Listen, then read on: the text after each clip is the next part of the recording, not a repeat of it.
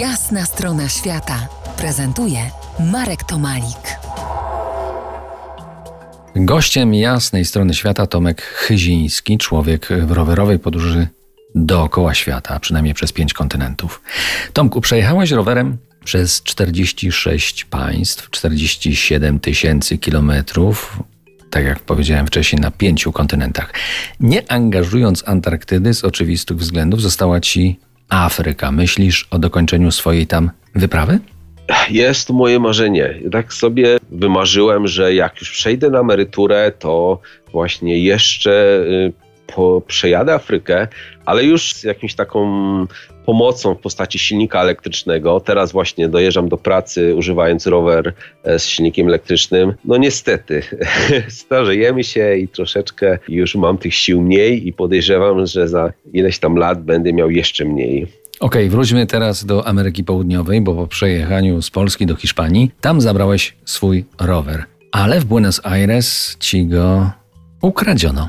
Tak, niestety. E, to było przykre doświadczenie. Ja pojechałem do tej, do Ameryki Południowej nie wiedząc nic, zupełnie nic o tym kontynencie e, i nie wiedziałem, że Argentyna właśnie przechodziła potężny kryzys ekonomiczny. A to po prostu tak duży, że zwykłe sklepiki, takie narożne miały kraty i sprzedawca, zanim otworzył te kraty, to popatrzył na tego klienta potencjalnego, czy, czy on może mu zrobić krzywdę, czy może go obrabować. Także mm, ja przypiąłem wprawdzie rower do słupa w momencie, jak wchodziłem do budki telefonicznej, ale to było słabe zapięcie.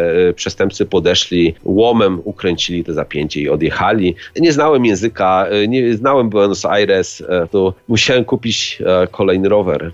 Miasto, tym bardziej tak wielkie jak Buenos, Buenos Aires, jest raczej koszmarem dla rowerzysty. Ale już równina Pampa, argentyński step, y, niekoniecznie. Pojechałeś z Buenos równo na zachód. Tak, równiutko na zachód, przez tą pampę i tu odżyłem. Odżyłem te miasteczka małe, y, argentyńskie, y, bardzo przyjazne. W każdym jest takie miejsce, gdzie, gdzie się piecze asado, czyli nawiona potrawa Argentyńczyków.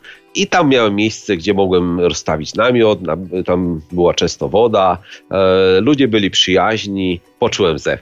Dojechałeś, e, jadąc tam właśnie na zachód przez Pampę, do najdłuższego kraju świata, do Chile, a tam przy Oceanie Spokojnym potężne Andy, niespokojne podjazdy i bardzo suche pustynie. Atakama. Jak sobie dawałeś radę? Atakama wspominam najlepiej w ogóle z całej mojej podróży, jeżeli chodzi o krajobraz, ponieważ tam nie było nic. Była tylko ta, e, ten krajobraz księżycowy, byłem ja, droga, palące słońce, także miałem czapkę z daszkiem i często musiałem zdrapywać strupki z uszu, bo ta, aż te słońce spalało kurę. Co kilkadziesiąt kilometrów była, była taka stacja benzynowa z restauracją.